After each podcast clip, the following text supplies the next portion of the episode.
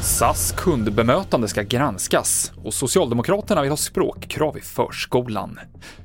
Men vi börjar med att berätta att två tonårskillar blev påkörda utanför Burgårdens gymnasium i Göteborg idag. De ska inte ha blivit allvarligt skadade och två personer greps senare och de är misstänkta för grov misshandel.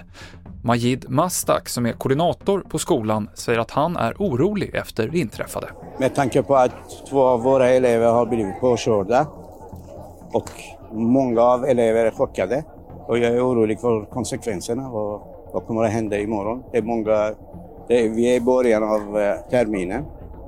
Konsumentverket inleder en granskning av SAS. Det kom en stor mängd anmälningar mot flygbolaget under sommarens pilotstrejk från personer som klagat på att det var svårt att nå kundtjänsten och att få hjälp när flyg ställts in.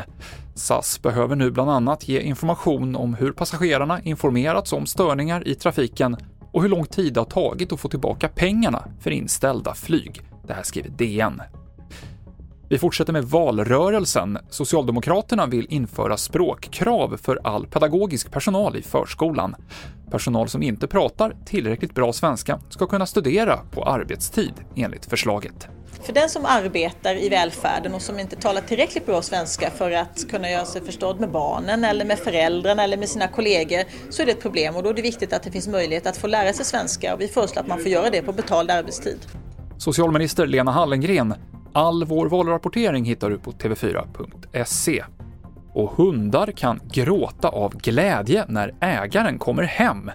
I en mindre studie i Japan så fäste forskare pappersremsor under hundarnas ögon och jämförde en vanlig interaktion mellan hund och husse eller matte med en när de har varit ifrån varandra i flera timmar. Och bara när de återförenades efter en längre tid så kom det tårar hos hundarna. Det är känt sedan tidigare att hundar gråter för att hålla tårkanalerna rena, men inte att det kan vara kopplat till känslor. Det här skriver BBC. TV4-nyheterna med Mikael Klintevall.